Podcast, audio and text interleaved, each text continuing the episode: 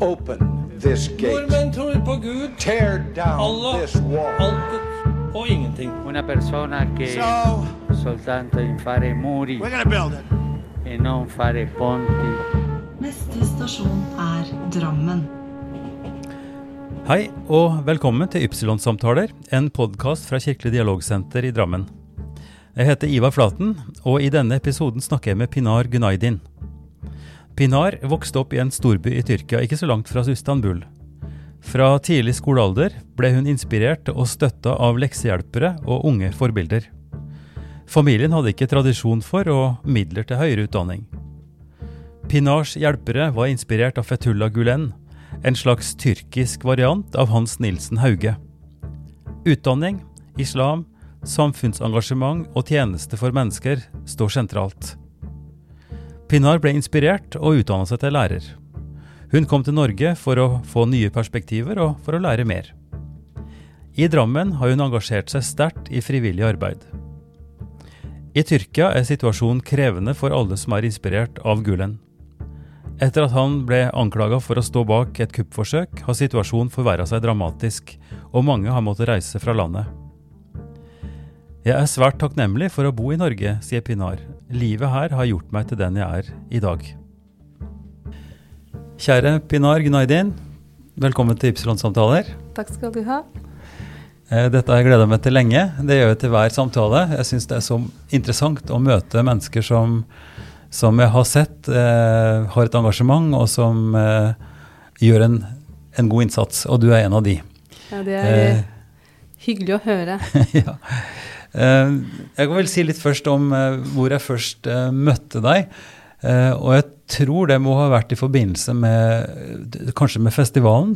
Fordi vi hadde, vi hadde besøk av en god venn av meg som heter Shanti Hetirachi. Ja. Som er fredsforsker, og som jeg først møtte i, i Leicester. Mm. Men som jeg også har besøkt på Sri Lanka. Men han er ekspert på freds eh, konfliktstudier. Eh, og har jobba mye med dialog. Og han var her i byen for å ha noe foredrag. Og da husker jeg at uh, du og dere tok kontakt for å lage en eller annen type samarbeid. Ja. Han er også ekspert på, Mm. på Fethullah Gulen og, og, og, og tyrkiske forhold. Så det var første gangen. Og da het du ikke Gunaydin. Da tror jeg du Mm. Ja. het Soiger. Ja. Si litt om eh, bakgrunnen din og hvor du kommer fra. Ja. Um, som sagt, jeg heter Pinar og fra Tyrkia. Jeg sier ikke opprinnelig fra Tyrkia, for jeg er fra Tyrkia. Mm. Eh, så jeg bor i Norge, og det har vært ca. syv år. Mm. Og så hele livet mitt eh, var jeg i Drammen. Og så jeg tror at jeg er veldig heldig for det. Fordi Drammen er en, er en fin by for å oppleve alt mulig. Ja, altså hele tiden etter at du kom til Norge? Ja, ja. I Mhm. syv år? Mm. Ja, syv år i Drammen. Mm. Eh, jeg har utdannet som lærer, engelsklærer i Tyrkia, og har jobbet et år i en eh, barneskole.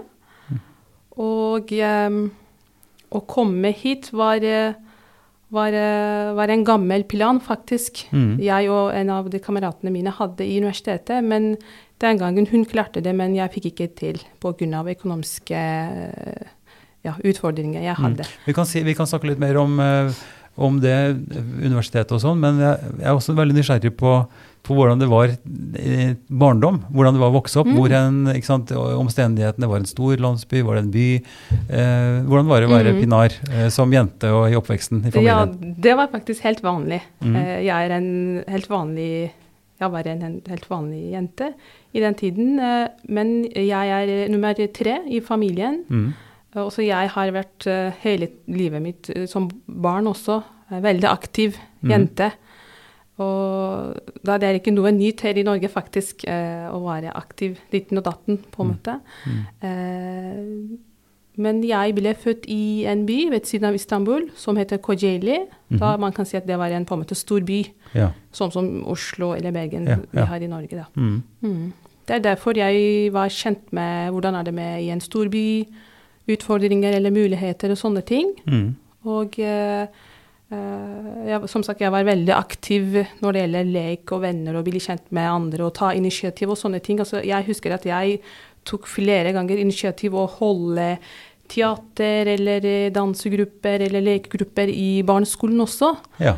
Ja, det er derfor jeg sa at det er ikke noe nytt at jeg tar en del initiativ her i Norge også. Jenter med mye energi og mye, Ja. mye ideer. Eh, jeg spør også ofte litt om eh, omstendighetene rundt høytider og, og kultur, og også religion. Var det Mhm. vanlig for deres familie å gå til moské f.eks., og hvordan var forholdet med det? Nei, faktisk. Jeg har ikke en eh, veldig Eller jeg- har ikke en religiøs familie, faktisk. Man, mamma min hun bruker hijab, men det er på en måte 50-50 kulturelt og religiøs Ja. grunner. Mm. Søsteren min hun bruker ikke. Men vi har tro på Gud, eller Mm. vi er muslimer, da, men Mm. vi er ikke på en måte veldig praktiserende muslimer. Nei. Jeg kan si at jeg er den uh, mest religiøs i familien. Ja, Hvis, ja, ikke sant, når man Mm. sammenligner og sånt. Men uh, høytider og sånn, vi hadde vanlige eid-feiring og sånne greier, venner og spise middag og sånne ting, men det var ikke veldig på en måte religiøst basert. Det er på en Litt sånn som, eh, sånn som eh, vi vil se det i Norge i forhold til, til julefeiringen, som er en stor ting i mm. Norge, men som for mange kanskje primært handler om at familien er sammen, om å spise god mat og, Ja, og sånne ting. Og, og da er det for, for dere som en, i, en, i Tyrkia og i en eh, muslimsk kultursammenheng, så var det id som var den største Mhm. feiringen, eller gjennom Ja, ja. året? Hva var liksom de store festene? Er det den, Ja, de to idene, eller? Ja, ja, det er det. Mm. Mhm. De to idene var de på en måte største. Men vi, vi er ikke veldig vant til å f.eks. be sammen, eller Nei. sånne greier. Men Nei. som kulturelt basis, ja, id var på en måte største på en måte, religiøse aktivitet hele året. Ja. Mm. ja. Jeg husker også tilbake da jeg kom hit som, som prest eh, i 2006-2007, så eh, en av de første, Veldig tidlig så ble, fikk jeg en henvendelse fra, fra Ramazan Ay, Mm. eh, som er også en eh, som er fra Tyrkia, og som er veldig opptatt av dialog. Eh, og som tok kontakt for å kunne eh, gjøre noe sammen. Mm. Eh, og da, eh, grunnen til at jeg sier det nå, var at eh, han foreslo eh, noe som han kalte Noas pudding. Eh, som har noe med også en, en feiring eller en markering av, eh, av en religiøs sak. Hva, si litt om det. Hva, hva er det knyttet til? Um, Vi kjenner jo historien om, om Noah som, Ja. eh, i arken som landet på Ararat-fjellet ikke sant, etter den store flommen. Og den puddingen er en, en rett som er sammensatt av veldig mye forskjellige slags frukter og rester og sånn, så det har vel noe med den historien å gjøre, sikkert? Ja, eh, faktisk jeg er veldig opptatt, eller jeg er mer opptatt av eh, eh, det som Noahs pudding representerer for. Ja. Eh, grunnen eller historien på en måte er ikke veldig aktuelt for meg, faktisk, eller veldig interessant, man kan si. Mm. Men nå er det 2020, ikke sant? Jeg, jeg bare tenker at vi må på en måte vurdere eh, spesielt eh, eh, verdiene våre i sammen, sammenheng med hva de står for. Mm. Det er derfor Noahs pudding er eh, en på en måte felles eh, eh, Eller jeg kan si at Noahs pudding på en måte representerer en mangfoldighet for meg. Ja. Da det er ekstra viktig for meg. Ikke på, på, på grunn av det er noen hendelse, religiøs hendelse, Nei, nei, men, nei. Men det, betyr noe. at, det betyr at Noahs pudding det er ikke, det er ikke knytta til noen egen religiøs høytid eller sånt. Det er ikke noe som dere feira i din jeg barndom? tror at det er noen fortellinger, men jeg vet ikke om de er ekte eller ikke sant, veldig på sterke. Det vet ikke jeg. Nei. Som sagt, jeg er veldig interessert med den, eh, hva den står for, Ja, delen, ja. ikke sant? Det kan vi faktisk komme tilbake til. Men, eh, men, eh, så det betyr at i din oppvekst i, eh, i en by utenfor Istanbul, så, så var du aktiv, du gikk på skole, du, du var en familie som ikke var spesielt uh, religiøst mm. interessert, men som feira de vanlige høytidene osv. Så, videre. Ja, så ja. nokså vanlig.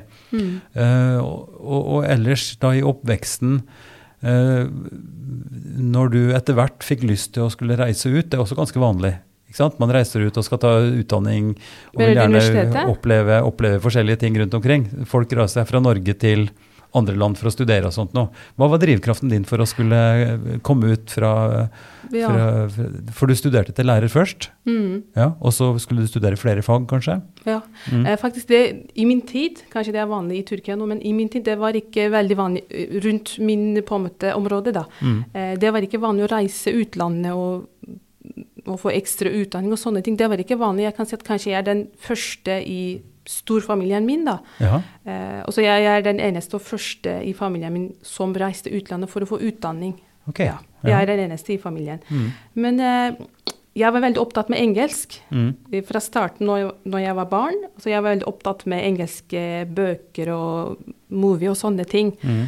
Eh, og så jeg var litt bestemt at jeg skulle lære meg engelsk, og så reise litt ut og finne ut hva skjer ikke sant, rundt verden. Mm. Fordi Fra begynnelsen tenkte jeg at eh, det er litt kjedelig å være i en boks. Sant? Alle på en måte sitter i en boks eller lever i en boks, men hvis du finner ut at du sitter i en boks, da blir det ekstra kjedelig. Mm. Da du prøver å finne ut hvordan man kan på en måte finne en Åpne perspektivet, lære Ja. nye ting, se ting på en annen måte. Ja, da fant jeg ut at oi, jeg har min, min egen boks på en måte. Eh, jeg var i andre klasse i universitetet, og så jeg hadde en kamerat. Uh, hun, hun er i fengsel dessverre nå, eh, hvis hun ble ikke på en måte ut. Eh, hun er i fengsel nå pga. de siste hendelsene som skjedde i Tyrkia. Mm. Vi har bestemt å reise ut. Først finne ut et land som koster ikke mye, Mm. men som er helt trygt for ikke sant, unge damer å ta Ja, utdanning og sånne ting. Da hørte vi om Norge, at det koster ikke noe semesteravgift. Vi, vet ikke, vi visste ikke at man måtte ha mye penger i kontoen sin for å sikre ikke sant, opp, opphold og ja, andre greier. Eh, vi bestemte å søke. Da søkte vi Høgskolen i Hamar, et års studie. Også, vi begge to fikk plass. Mm. Eh, hun hadde en rik familie. De klarte å ha penger i kontoen for å sikre eh, utgiftene her i Norge. Og så hun kom hit den gangen. Mm. Mm. Eh, året var 2009, kanskje. Ja. Eller ok. ja. Mm. Men uh, jeg hadde en vanlig familie, og vi hadde ikke så mye penger. Da klarte vi ikke den. Men uh, da fant jeg en på en måte utgang Mhm. som jeg kan på en måte Du fant en løsning på problemet? Ja, ikke ikke sant? Som jeg kan på en måte ha litt håp, da. Ja. Eh, da jeg, jeg bestemte å finne jobb, bli ferdig med utdanningen, finne jobb og spare litt penger, og så Mm. prøve den på nytt. Mm. Og så jeg ble kjent med Norge. Jeg visste ikke at det, det finnes et språk som er norsk. Jeg tenkte at folk snakker engelsk, ikke sant. Fem millioner det er lite- det er trenger det er ikke lite- Det er et lite språk. ja. Ja. Jeg bare tenkte at fem millioner trenger ikke eget språk. ja. Ja, det, dette bekrefter at jeg var i en boks, ikke sant. Fem millioner trenger ikke Nei. Ti stykker kan snakke sitt eget språk, ikke sant. Det er helt vanlig. ja, ja. Mm. Og um, uh, ble ferdig med utdanningen, fant jobb, hadde litt penger. Og så tok kontakt med uh, venner fra Hismet-siden. Mm. Og det er flere, eller det var noen her i Norge også. Da jeg tok kontakt med dem Jeg klarte ikke å søke Hamar den gangen. Jeg vet ikke hvorfor, kanskje jeg mistet fristen og sånt. Mm. Eh, da jeg fikk, eh, eh, fikk muligheten til å komme hit som frivillig arbeider, da. Mm. Den gangen, den foreningen ble lagt ned, men det var, et, det var en forening som heter, som heter Ebru kultur, dialog, kvinne og bla, bla forening. Mm. Det var et veldig langt navn, jeg klarte ikke å si det engang. Da fikk jeg uh, jobbe der som frivillig. Mm. Uh, kanskje du vet den ordningen uten lønn, men du får litt penger, ikke sant. Mm. På en måte honorar og sånt. Da Mm. du på en måte har forskjellige aktiviteter for Planen vår var å ha aktiviteter for uh, flere eller fleste innvandrerkvinner, men vi klarte ikke det. Mm. Og så jeg, siden jeg hadde ikke um, sånne erfaring fra før, jeg klarte bare med tyrkere. Mm. Men det var veldig på en måte vellykket, tror jeg. Mm.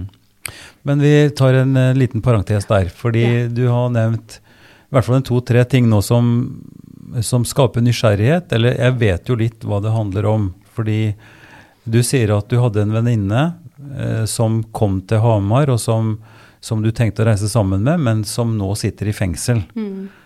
Pga. Problemene som du sier litt forsiktig, og som det har vært i Tyrkia de siste Ja. årene. Og så sa du også at du kom hit eh, i forbindelse med noe som heter Hismet. Mm. Eh, og da tenker jeg for de som lytter nå, så har jeg lyst til å si bare noen ganske korte ord om hva, eh, dette, hva, hva dette handler om. Eh, for jeg tror de fleste her er kjent med, med at Tyrkia hadde noe som man kaller et kupp for eh, noen år siden. Det begynner å bli tre-fire Ja. år siden. hvor det ble en beskyldning om at en predikant som heter Fetullah Gulen, som nå bor i USA, at han sto bak dette kuppet. Eh, og, og den bevegelsen hans som heter tjeneste på norsk, men, men Hismet, det er en, en bevegelse som veldig mange, både unge mennesker, men også lærere, uh, folk i forvaltning, uh, rektorer, undervisning, universiteter, har en tilknytning til. Og jeg nettopp, kan også si at jeg nettopp har lest en bok av en amerikansk teolog og forsker som har skrevet om, om Fethullah Gulens liv, som er en veldig sterk eh, og, og god bok, som, som beskriver et menneske som, som tidlig ble veldig interessert i religion, som har levd som et fromt menneske, og som også har inspirert veldig mange til å følge seg i tjeneste. Eh, og dermed så blir jo spørsmålet til deg også, eh, Pinar, som du sier at du er den mest religiøse i familien, eller vil du si noe om, om hvordan, på hvilken måte du eventuelt er inspirert, og når du ble det? For jeg forstår jo at han har jobbet veldig lenge i Tyrkia og hatt også mye skal vi si, motbør og, og også til, til dels konflikter, men veldig veldig mange som har fulgt han og blitt inspirert. Ja. Hvordan møtte du uh, dette i, i, i ditt liv? Uh, jeg tror at jeg var i uh, i bar barneskole, ja, siste, siste trinn. Ja. Da jeg hadde mm, litt støtte fra på en måte kurs, som vi har ikke sånne ordninger her i Norge, men eh, det er noen prøver du må stå til Mhm. for å, for å eh, klare, deg på, klare deg en eh, plass i videregående skole, da. Ja, okay. da er veldig- en slags opptaksprøve? Ja, opptaksprøve. Mm. Altså, du trenger litt støtte i tillegg til skolearbeid. ikke sant? Ja. Da jeg, det var kurs i Tyrkia som ble på en måte stiftet av Hismet-tilhengere for å på en måte støtte elever, spesielt som ønsker å gå videre, Ja. Mm. eh, og har ikke råd til. Mm. Eh, altså det er på en måte et vanlig eh, problem i hele verden, ikke sant? Det er Mm. ikke bare Tyrkia. Da den gangen jeg begynte kurset, altså jeg hadde lærere der, eller noen veileder også fra universitetet, Mm. som kunne på en måte vise hvordan man kan klare seg, eh, selv om man har ikke råd til, Mm. til gjennom eh, videregående skole til universitetet og, og videre og videre. ikke sant? Ja, For jeg ja. hadde ikke på en måte sånn forbilde i familien min. Nei. Mamma og pappa de har bare barneskoleutdanning. Og så, ja, de hadde drømmer, spesielt mamma min. Hun har, hadde drømmer at vi skulle bli ferdig med universitetet, finne god jobb og sånne greier. Mm. Eh, det var derfor jeg var bestemt også å fikse det. Mm. Uh, så jeg fikk veldig mye på en måte hjelp fra både læreren og de veilederne som, som var helt frivillige Mm. fra universitetet. Og fikk, eh, fikk jeg muligheten til å bli kjent med Hismet-bevegelsen. Mm. Men det var bare veldig lite den gangen, fordi jeg var bare en tiåring. ikke Mm, sant? ja. Men det var på en måte gjennom eh, skolearbeid. Mm. Og jeg ble kjent med Hismet-bevegelsen som en bevegelse som støtter elever eller unge personer for å få mer utdanning eller mulighet, arbeid, reise utlandet, oppleve noe nytt. ikke sant? Mm. Bli en på en måte verdensperson Mm. og bli kjent med hele verden. Og, og samtidig å være en religiøs, eh, sterk person, da, begge Ja. to. For det er ikke veldig vanlig, eller den tiden, å være sterk på begge sider, ikke sant. Religiøs og, eh, mm, og god utdanning og sånne greier, ikke Ja. sant. Det, det som jeg har lest, eh, lest meg til, og som var veldig viktig i den fremstillingen, og som jeg har skjønt også står veldig sentralt i den tenkningen som Fethullah Gulen står for, det er nettopp sammenhengen mellom eh, dyp religiøs tilknytning, altså stor fromhet, det å Mm. følge bønnetider. Han, han er jo en meget, meget from person som har dyp kunnskap om teologien, men samtidig også utrolig sterk på dette at man skal ta utdanning. Mm. At, at kunnskap og vitenskap, eh, det å jobbe seriøst med alle slags fag, Ja. eh, at, at, det, at det ikke er noen motsetning. Ja. Fordi at det er jo en del tilfeller så vil man sette en motsetning. Det gjelder også innenfor kristenheten. Mange som vil si at, eh, at nei, troen kommer først, og troen skal være det viktigste. Og det vil vel kanskje også han si, naturligvis. Men, men at vitenskap og sånn blir side, sideordnet, nei. Eh, det er viktig. Og, og, derfor så har jeg forstått også at det har vært en stor eh, at det har vært en stor bevegelse og mange som har bidratt til å, å gi barn og ungdom som Mm. ikke har hatt muligheter ellers, Ja. til å få den, sånn som du har opplevd. Ja, altså ja. fått den støtten til å kunne få et godt fotfeste i kunnskap, få kvalifiserte til utdanning. Mm. Og, eh, og dermed så, så har jo dette spredd seg mye og, og fått stor tilslutning. ja. For det var et stort behov Ja. eh, i Tyrkia den tiden. Mm. Eh, Men da gikk det videre sånn at du begynte som tiåring der, og så gikk du videre og fikk støtte slik at du kunne ja. ta den utdanningen som Ja, du nå fikk. Og så Det som er veldig fint, at jeg fikk støtte, og så samtidig fikk jeg muligheten til å eh, være til stede for, til tjeneste, da. Eh, jeg var eh, i, i, i andre klasse i videregående skole, og så jeg var på en måte søster for en del elever på skolen. Mm. Slik at jeg kan fortelle litt om hvordan er det med andre klasse, ikke sant. Hvordan kan man på en måte em, drive med prøver og sånne, sånne ting. Mm. Det, det var ikke bare om religion, men det var den tiden mye om utdanning. For den kommer først ikke sant, når du er en tiåring. Ja. Disse ting kommer først. Eh, og så jeg tror at den tiden jeg trengte vitenskap først for å forstå hvorfor trenger man en religion, eller Mm. hvordan eller hvorfor, eller eh, hva man skal, tro, ha, skal ha tro til. da. Mm. For å på, på en måte klare dette. Jeg tror at utdanning eller lese noe kommer først, tror jeg. Det var sånn for meg. Det er derfor Hismet tok veldig mye på en måte opp, oppmerksomhet fra min side. Takk for at du lyttet til Ypsilon-samtaler. I denne episoden snakker jeg med Pinar Gunaidin.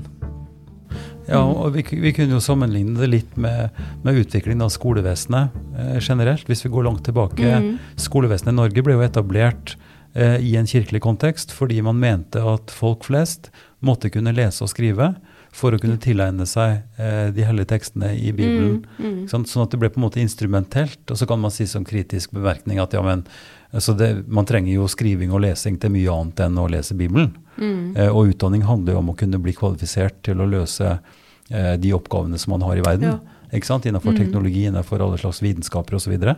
Eh, men poenget mitt, og det som, som er åpenbart også i forhold til, til det som du har opplevd, det er at det har vært et stort, et stort ønske fra mange om å bidra med å bruke tid for å hjelpe folk til å bli eh, kvalifiserte. mm, Ikke sant? At man kan lære seg et fag, at man kan lære seg eh, en, en, eh, et yrke. mm, Eh, og hvor også folk som hadde, hadde penger, støttet bevegelsen ved at man hadde man laget eh, internater.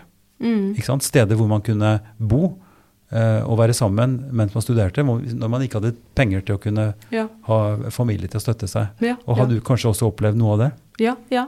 Mm. Eh, spesielt i universitetet.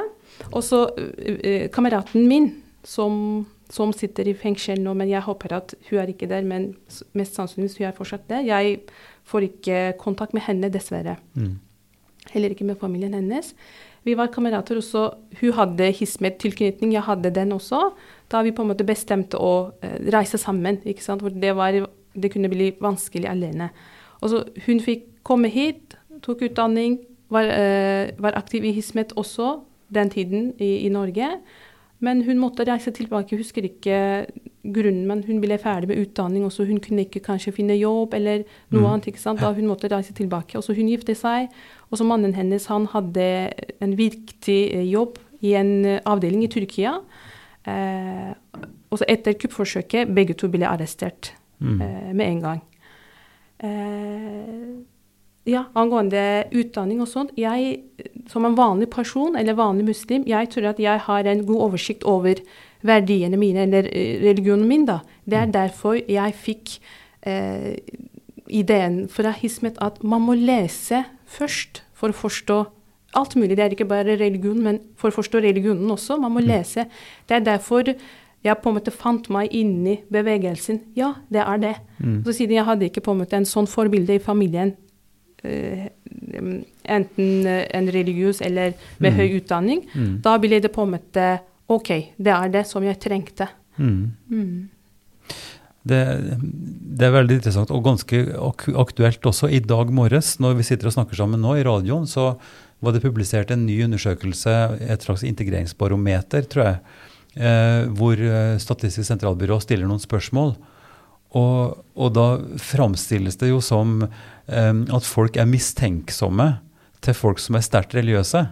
Mm. At det er en slags eh, fordom, eller folk er litt, eh, både, det gjelder både muslimer eller kristne. Altså folk som gir uttrykk for religiøs, religiøs tro, blir man litt mistenksom eller Mm. urolig for. Fordi at man har en eller annen eh, Man tror at de har en eller annen agenda, at de skal gjøre et eller annet, eller at det er noe skummelt med det. Mm. Eh, og, og det tror jeg også eh, et fenomen som vi kjenner igjen. Jeg jobber jo i kirken, som du vet. Eh, men også for Hismet. Eh, det engasjementet med å drive skole, det å hjelpe folk til å få utdanning, eh, og det å gjøre tjeneste i det hele tatt, så stiller spørsmål, folk spørsmålet hvorfor gjør dere det? Hva tenker dere, Skal dere gjøre noe med oss? Skal, dere, Mm. skal dere gjøre at vi blir muslimer, eller eh, Skjønner du? Ja, ja.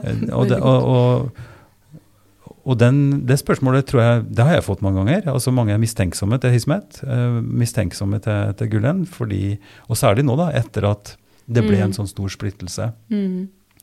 Eh, men, men har du også følt personlig i forhold til familien og sånn, at det med religiøs tro og, og kunnskap har vært noen motsetninger, eller at, at det har vært at du har kjent på det som et problem, eller har du syntes det har vært helt eh, Eh, enkelt? Det var ikke noe, et noe sånt problem hos familien min, fordi de, de visste at begge to Eller de fikk se gjennom meg, da, eller min opplevelse med Hismet, de fikk se at eh, begge to på en måte går sammen. Mm. Ikke sant? Eh, Det er en kontekst hvor man kan ikke på en måte fly med en eh, ving. Ikke sant? Man trenger to stykker. Ja. Jeg, jeg ser de to tingene som på en måte søsken. Mm. Det går ikke alene. Men eh, jeg er kjent med på en måte problemet her. Eh, jo mer du jo mer religiøse du er, ikke sant? jo mer farlige blir du på en måte Mm. i, i lokalområdet. Men, men eh, det forstår jeg veldig godt, fordi jeg har av og til sånne fordommer. Fordi det er på en måte en trend i hele verden som man kunne ikke tenke seg uten dette. Selv om jeg vil ikke tenke sånn, som en muslim sjøl, Mm. som har ikke en sånn eh, hemmelighet, ikke sant, eller eh, alle skal være muslimer og sånne ting. Det er ikke på en måte målet mitt, det kan ikke være mål for en muslim. Fordi jeg er ikke Gud, ikke sant, jeg er ikke en stormakt. Men jeg vil ønske at du skal følge gode regler, som som meg. Men eh, jeg har ikke på en måte eh, mulighet eller em, tilgang til å ønske på en måte det, eller til å presse det, eller til å gjøre noe fysisk mot det. Hvis det skjer, det skjer, det skjer. Men uh, som ønske, det er helt på en måte lovlig. Mm. Men uh, som press eller noe lignende, det er på en måte forbudt i religionen sjøl. Mm. Det, Ja. det er litt ironisk, ikke sant? Jeg er en religiøs person, og så folk tror at eh, Pinar kommer til å på en måte konvertere oss, men det er ikke målet mitt. Målet mitt er meg først. Mm. Ja. Ja. Ja, og det, mm, det, det gir veldig gjenkjennelse. For både islam og kristendom er jo såkalt misjonerende Mm. eh, religioner, hvor en eh, ønsker å spre et budskap og ønsker å gjøre inntrykk og, og, og, og gjøre en forskjell, utgjøre en forskjell. Eh, og i, i kristen sammenheng så snakker vi om, om diakoni. Mm. Eh, hvor, som også er tjeneste, hvor kirkens tjeneste gjennom hundrevis av år har handlet om sykepleie, om sosialarbeid, eh, om å hjelpe de som trenger hjelp. Og Signe her hos oss er jo diakon, som, som har det som sin hovedoppgave å, å jobbe som ansatt i kirken, men ikke med forkynnelse eller med å skulle Mm. eh, bruke ord først og fremst for å påvirke på, og på en måte gjøre tjeneste på den måten, men å bidra til at folk får et Ja. bedre liv, det å støtte folk som er syke, som trenger støtte på forskjellige måter. Og der er jo, tenker jeg også Hismet, et slags diakonalt Mm. prosjekt. eh, Ja, man kan si. Eh, og, og hvor en driver med skolearbeid, hvor en driver med dialog. Og det er også det neste punktet som jeg har lyst til å, å snakke om. Eh, Hvorfor tror du at, at Hismet også har blitt så eh, sterkt forbundet med dialog? Eh, eh, jeg kjenner jo til et prosjekt i Trondheim som heter En verden i dialog. Mm. eh, Mangfoldhuset og andre initiativ. Hva, hva legger du i dialog? Hva tenker du at det er godt for? Hvorfor er det viktig for Hismet og, og deg å drive med dialog? Jeg tror at dialog er noas pudding, på en måte. Si litt mer om det. Altså, for eksempel, når jeg drikker kaffe, jeg vil ha noe søt ved siden, ikke sant? Mhm. Når jeg skal snakke med deg, jeg vil ha Jadviga også, ikke sant? Det blir enda mer fargerik for Mm, meg. mm. Jeg tror at jeg finner smak i mangfoldighet. Også det er det i islam også. På en måte, ingen religion tilhører til en, en gruppe eller etnisk gruppe eller bestemt gruppe. Det er derfor jeg tror at det fins dialog i alle religioner, hva slags tro det er, da. Mm. Men det er veldig sterkt i islam å være på en måte en liten familie hele verden. For det er faktisk det. Det er en på en måte stor familie hele verden. Mm. Da, jeg tror at faktisk vi trenger ikke ordet dialog, eller vi trenger ikke noe spesielt for det, for det kommer naturlig, tror jeg, å være med alle forskjellige typer mennesker, etnisitet, tro, bakgrunn, ikke sant, alt mulig. Mm. Da det er derfor jeg tror at det er ikke noe rart at det fins dialogarbeid, eller veldig sterk dialogarbeid i Hismet, for det er på en måte poenget å være en stor familie. Mm. Da en familie kan ikke være uh, uten deg eller uten meg, ikke sant? Det, er det, det er det samme på en måte viktighet du og jeg har i denne familien. Mm. Det er derfor jeg kan ikke på en måte si at uh, det er hismet eller det er dialog eh, som tilhører meg, eller som er styret av meg. Det er derfor det skal være den og den, ikke sant. Det må være en mangfoldighet, hvor det er en enkelt mangfoldighet i, i dialogarbeid. Da. Det er Mm. derfor jeg tenker at hismet eller andre eh, grupper med verdier eller høye verdier kan ikke tenkes uten dialog. Og så jeg Mm. bare finner det litt rart at når det er dialog og hismet, eller når det er dialog eller eh, religiøs, interreligiøs dialogarbeid, folk blir litt mm, Hva er dette? Det er litt interessant. Hvorfor skal vi på en måte samarbeide? Eller hvorfor en muslim og en buddhist skal samarbeide? Men jeg bare tenker at hvorfor ikke? Ikke? Det er ikke en motargument Ja, for det. Nei, nei. Selvfølgelig, tror jeg. Det, det er vel kanskje viktigere å stille spørsmål hvorfor skal man ikke samarbeide? Ikke sant? Hvis man har viktige oppgaver i samfunnet, hvis man har store oppgaver, eh, problemer som skal løses, så, så er jo det mest konstruktive at man da mm. går sammen og bruker ressursene, forskjellige ressurser, forskjellige Ja. tenkemåter. Eh, og det er også drivkraften min til å, å drive med dialog, at vi, vi har så utrolig mye igjen for å, å møtes og lytte til og forstå hvordan de andre tenker. Mhm. Eh, Og det er, en, eh, det er nok en, en sentral drivkraft. Mens grunnen til uro tror jeg nesten er en slags uh, genetisk hardkoding vi har. At vi er urolige for det som er forskjellig fra oss sjøl. Ja. At det er en slags sånn helt basic, nesten animalsk uh, uh, respons på det som, er, det som er ukjent. Det må vi passe oss litt for. Ikke sant? Fordi at det kan være truende. Mm. Mm. Og derfor så er det jo ja, viktig å, å tenke to ganger, da. Å Mm. tenke gjennom og være bevisst på hvorfor reagerer jeg sånn. Hvorfor ble jeg urolig når jeg ser noen som er mørk i ansiktet? Det er jo også en sånn tragisk eh, samtidsproblematikk nå, Mm. ikke sant? Med, med politivold i USA som ble fatal for, for et menneske som døde, og hvor, hvor det nå er store, store markeringer over hele verden mot rasisme. Ja. Og er jo ikke rasisme akkurat det som vi nå snakker om, det å, å dra alle over en kam og si at de er sånn, ja. ikke sant? I, i dette tilfellet mørke mennesker, de må vi passe oss for. Mm. De er farlige. Mm? Mm. Ja, helt enig. Uh, ja, det er derfor jeg bare, når jeg får en sånn spørsmål Hvorfor skal noen muslimer eller noen buddhister eller noen den og den ikke sant, samarbeide med en som tilhører ikke sitt eget grupp, sin egen gruppe? ikke sant? Jeg bare, Hvorfor ikke? Hvorfor ikke? Mm. Det smaker veldig godt kaffe og kake. Mm. Og dermed så blir den uh, Noahs pudding mm. et eksempel ikke sant, der du har litt granateple, du har litt andre frukter, du har eh, forskjellige smaker som går Mhm. sammen i en liten dessertrett som skal gi smaken av mangfold. da. Mm. Ikke sant? Og at det er på en måte den, eller den eh, si, teoretiske overbygningen eller ønsket om å servere en og det, Ja. det, det har jo Hismet eh, gjort, og dere altså fra, fra deres eh, folk da, i, i Drammen har jo vært i Fjell kirke i hvert fall et par Mm. ganger og, og servert menigheten eh, disse deilige desserten etter kirken. Ja. Også, det fins ikke bare en type noaspudding. Det er flere forskjellige typer. Jeg er veldig glad i den søte, men noen lager med salt, som middag. Man Mm. kan spise med brød og sånt. Mm. Som jeg er ikke veldig glad i. Men jeg mener at det er ikke bare en gruppe som kan klare dialog, faktisk. Det er flere grupper som, som pudding, da. Mm. Ikke sant?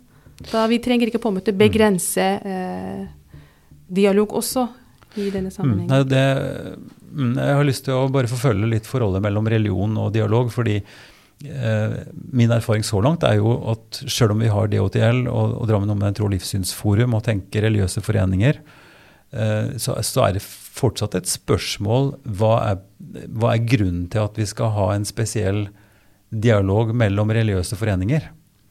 Er det et spesielt behov der? Er det spesielle konflikter eller splittelser som vi skal overkomme? Er vi som religiøse mennesker mer skikka til å, å, å gå i, i, i bresjen for dette? Eller er det rett og slett sånn at vi kanskje også står i fare for å gjøre det for mystisk eller for spesielt? For som du sier, vi bør ikke gi det et bestemt navn, men det handler om å, å jobbe sammen Mm. mot, mot positive ting som vi ønsker skal skje. Ja. Hvor vi kan bidra med, med hver våre kunnskaper og, og sånn. Mm. Og sånn er det på en arbeidsplass, f.eks. Ikke sant? Her, her, her er du ansatt fordi du har en skill, du har en, en evne, du er god til å undervise. Du blir lærer, du jobber der. Du jobber ikke der som en muslimsk lærer, men du jobber som en lærer med muslimsk tro. Ja. Eh, som andre har andre livssyn. Det kan være folk som ikke er religiøse også. Men man er dyktige lærere og gjør en god jobb for samfunnet. Så det er jo et sånt paradoks som jeg ofte tenker på. Ja. Eh, Hva er det vi spesielt har ansvar for i så fall? da? For vi har religiøse forsamlinger. Vi møtes i menigheten her f.eks. Mm. Eh, Så hva er da det spesifikt kristelige eller religiøse aspektet vårt for å støtte opp om nettopp det felles arbeidet? Mm. Ikke at vi skal fylle kirken vår bare med kristne som skal sitte sammen, men at vi skal bidra inn i Drammensamfunnet og i nabolaget for å skape et grunnlag for et liv som er trygt og godt og meningsfullt for alle, på For tross av alle. forskjellighetene. Mm. Mm. Og, og det er altså du opptatt av, vet jeg. Ja, Eh, ja, helt. Blant annet eh, gjennom eh, noe som du har kalt Mangfoldhuset. Vil du si litt om hva tanken er blant for det, og hva dere har gjort i Mangfoldhuset? Ja, Mangfoldhuset? Skal jeg si er en, eller var, fordi den er ikke aktiv nå. Men Mangfoldet er en eh, frivillig organisasjon som har drevet forskjellige prosjekter rettet mot barn, unge, kvinner, menn, innvandrere, nyankomne, flere grupper i lokalområdet i Drammen. Mhm. Vi har samarbeid med flere organer, både direktoratet, kommunen og andre, andre organisasjoner. Mm. Målet vårt var å, som sagt, som du sa, å inkludere alle uansett forskjeller, ikke sant. Så jeg tror at det klarte vi, selv om vi hadde på en måte begrenset, veldig begrensede ressurser når det gjelder finansiering, frivillige, god kunnskap. Det er ikke lett å drive organisasjon, spesielt hvis du er bare to-tre år i Norge, ikke sant. Men eh, jeg tror at uansett alt disse, vi, vi klarte det veldig godt, tror jeg. Mhm. Og vi hadde forskjellige aktiviteter, som sagt, i byen, og tilbakemeldingene var helt flotte. Og på en måte inspirasjon bak eh, organisasjonen Mangfoldhuset var på en måte Vi ble inspirert av bevegelsen, som er akkurat samme måte for alle, inkludere for alle. Så jeg tror at eh, siden gjennom Mangfoldhuset jeg ble kjent med private personer, organisasjoner, kort sagt hele Norge. Jeg ble kjent med hele Norge gjennom Mangfoldhuset.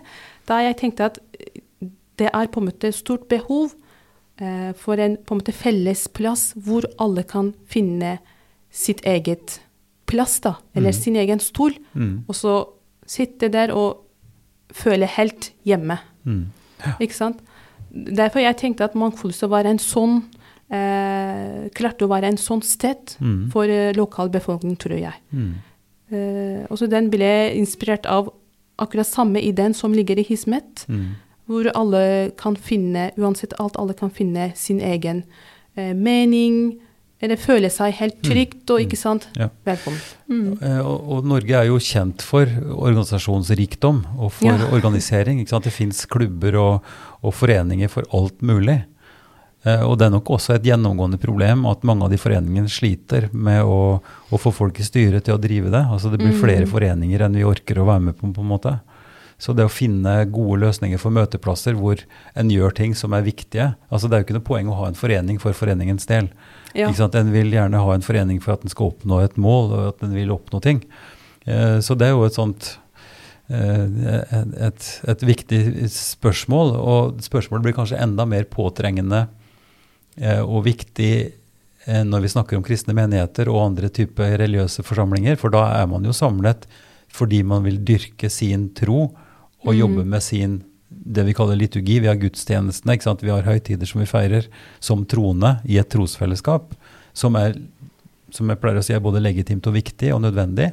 Så har man kanskje etniske språklige fellesskap, kulturforeninger, som, som dyrker et bestemt språk, eller som jobber med ja, som tamilsk forening Mm. eller tyrkiske foreninger, som, der poenget er rett og slett å kunne, å kunne bli enda mer forståelsesfull for sin egen bakgrunn og sin egen, uh, lære mer språk for barn osv. Mm. Alt dette er kjempeviktig. Men, men det jeg ofte spør om i disse samtalene, er jo hvordan klarer vi å overkomme de, de grensene, altså, og de, de, de gode sammenhengene som er riktige at folk skal kunne ha. Du skal kunne ha en somalisk moské, du skal kunne ha en tyrkisk, du skal ha en norsk kristen forening. ikke sant? Men hvor er møteplassene hvor vi naturlig Ja. eh, kan bli mer kjent med hverandre og skape fellesskap og vennskap eh, imellom disse Mm. foreningene? Ja. Og Det er et kjempestort spørsmål, og, og vi, kan ikke, vi kan ikke alle sammen ha de møteplassene. I en periode så var Mangfoldhuset et sånt, et sånt, et sånt møteplass. Mm. Og så har du Røde Kors-fellesskapet som jobber mye, du har Redd Barna, du har politiske foreninger osv. Men eh, hvis du skulle du, du er jo et kreativt, som du sier, og aktivt menneske. Hva ser du for deg som ville vært et slags ideal for hva vi kunne, hvor vi kunne gjøre en innsats sammen? Hva er, dag, hva er behovet nå, tenker du, for at vi går sammen om å løse Hva er problemet vårt nå? Eh, jeg må først nevne noe. Organisasjonarbeid, frivillighet, å være eh, Jeg vil ikke bruke ordet fremmede, men å være på en måte ny i Norge, Mm. eller um, å ha ikke røtter her i Norge, det, det betyr noe når man driver en organisasjon Ja. som ønsker å være for alle. Mm. Fordi eh, idealen å være for alle er skikkelig vanskelig. Kanskje det er umulig. Jeg vil ikke tro på at det er umulig, fordi jeg jobber for dette, ikke sant? Ja. Mm. Jeg ønsker å tro på at det er på en måte mulig. Eh, men det er skikkelig vanskelig, fordi alle vet noe. Alle ønsker at det må være et felles plass, f.eks. Det må være den og den. Mm. Alle ønsker noe godt, også de har gyldige grunner. Men det er nesten ingen som vil ha ansvar, som vil ta initiativet, ikke sant? som vil på en måte bruke tiden med vilje. Mm. Da det var på en måte problemet å være en ideal, idealistisk person, da. Mm. Du blir på en måte sulten, du blir alene eller med noen få. Eh, at du klarer ikke en sånn stor jobb som har på en måte et stort behov for, for lokalmiljø og Mm. for flere, spesielt barn og unge, Mm. eh, i byen. Mm. Da det er derfor, ja, det ligger noen fordeler, men det er skikkelig Man kan finne store ulemper også. Ja, det er, slit, det er slitsomt, og Ja, det er krevende. Veldig. Hvis du er en, eh, mm. Spesielt hvis du er en dame, pluss innvandrerdame, pluss en innvandrerdame med hijab. Ja. Det er ekstra på en måte eh, utfordringer som jeg har opplevd. Men eh, behovet å ha på en måte ikke en, kanskje flere møteplasser i byen, det er fortsatt behov, tror jeg. F.eks. Kirkedialogsenter Mm. på en måte møter den, det behovet her. Men Mm. er det nok? Nei, tror jeg. Eh, spesielt barn og unge, det, fin, det, det trengs eh, flere sånne møteplasser. Vi har Røde Kors Fellesverket, vi har Forandringshuset, vi har andre organer. Heldigvis, vi er heldige at vi har dem. Mm. Men er det nok? Jeg er nesten kjent med alle sånne organisasjonene og Mm. arbeidet de gjør. Mm. Så jeg er veldig på en måte takknemlig at de står for byen min, ikke sant. Mm. Men er det nok? Nei. Det er fortsatt eh, flere barn, unge, kvinner, menn, norske, ikke-norske, hvordan kaller du, eh, som faller utenfor. Og så vi vet ikke hvor, hvor de er, hva, hva de gjør. Mm. Det er derfor, hvis du har et ønske, da må du ha planen din helt klart med dine på en måte folk. Mm. Ellers det blir på en måte helt uh, uh, utopisk da, Ja. å drive Mm. i Ja, langvarig. ja, ja. Det Mm. klarte vi ikke i Mangfoldhuset. Da ble jeg på en måte alene med en liten gruppe, Mm. men mye arbeid, som jeg på en måte personlig ser behov i byen min. Så hadde ønske å på en måte fullføre de prosjektene og sånt. Mm. Mm. Men man trenger penger, man trenger lokal, man trenger støtte fra kommunen, man trenger politiske Ikke sant. Ja, ja. Alt, alt mulig man trenger. Men Mm. to, tre, fire kan ikke på en måte klare det. Men kanskje er det en eh, mulighet da, og vi har jo snakka litt om, om mulighet for å kunne lage eh, noe sammen. Hvor en kunne sette sammen en større gruppe av folk med ulike skal vi si, eh, visjoner og, og tanker rundt dette med utenforskap, eh, ensomhet, eh, få folk engasjert som trenger støtte osv. Så. Eh, så jeg håper jo at vi kan realisere noe sånt eh, eh, sammen. Og, og jeg tror nøkkelen er medvirkning, da. Altså fra folk som har forankring i ulike miljøer, som ser forskjellige ting. Mm. Eh, og én ting kan ikke fikse alt, men en kan klare kanskje å gjøre noe på dette feltet. For det tror jeg er en, en, et generelt problem og en generell utfordring i vår tid, at, at det er for mange som blir isolert. Mm. Dels pga. Av, av kultur- og språkforskjeller. At man føler seg utafor og ikke har mot til å og kommer ikke i gang. ikke sant, Å bli isolert på en eller annen måte, enten i en veldig trang gruppe eller kanskje helt alene. Eh, Så, så det tror jeg nok er et sånt behov som, som eh, vi helt sikkert kan eh, få gjort noe med. Og, og jeg håper jo at både Jadviga, du og, og flere av oss kunne, kunne kommet noen skritt videre. Det er mange sterke ressurser i, i byen som, Ja. som har mye erfaring, og som kan, eh, kan, kan gjøre noe med det. Det gir også noen eh, tanker til det mer generelle dialogarbeidet. Ikke sant? Hvor, hvor man kan tenke seg at dialog blir et slags sånn sukkerglasur utapå noe som smaker veldig vondt.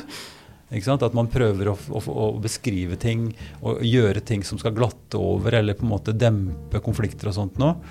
Eh, og det kan man kanskje si. På samme, samme tid så tenker jeg at alle små forsøk, alle tilnærmelser, alle personlige vennskap som oppstår på tvers, alle bestrebelser på å skape gode ting i samfunnet, om det er i Tyrkia eller her eller hvor som helst, at det har en egen stor verdi. Mm. Eh, og, eh, selv om resultatene ikke er så veldig imponerende, og, og kanskje at vi får tilbakeslag, så og det tror jeg kanskje også man skal ha en, på en moralsk, etisk og kanskje religiøs overbygning for å orke. Mm. At det er godt nok at man gjør godt. At man behøver ikke å sjekke ut veldig sterke resultater for at det skal være godt nok. Så um, vi har brukt tida vår, rett og slett. Jeg er veldig glad for at jeg kan kalle meg din venn, og jeg er glad på dine vegne at, eh, at, at du har en fin familie, og at dere har det bra her. Hjertelig takk. Så får vi fortsette samarbeidet der vi kan, og så får vi prøve å leve i dilemmaene så godt vi kan også. Tusen takk. Ja. Sjøl takk. Takk for at du hører på Ypsilon-samtaler. Mer informasjon om oss og hva vi holder på med, det finner du på www.ypsilonsamtaler.no. Der finner du òg en kort presentasjon av alle samtalepartnere og lenke til episodene. Du kan òg søke på Ypsilon-samtaler på din podkast-app, og abonnere.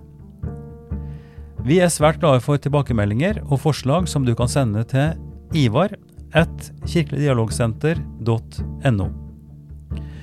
Ypsilon-samtaler er støtta av Drammen kommune og Barne- og familiedepartementet. Ansvarlig utgiver er Kirkelig dialogsenter Drammen, ved daglig leder Ivar Flaten.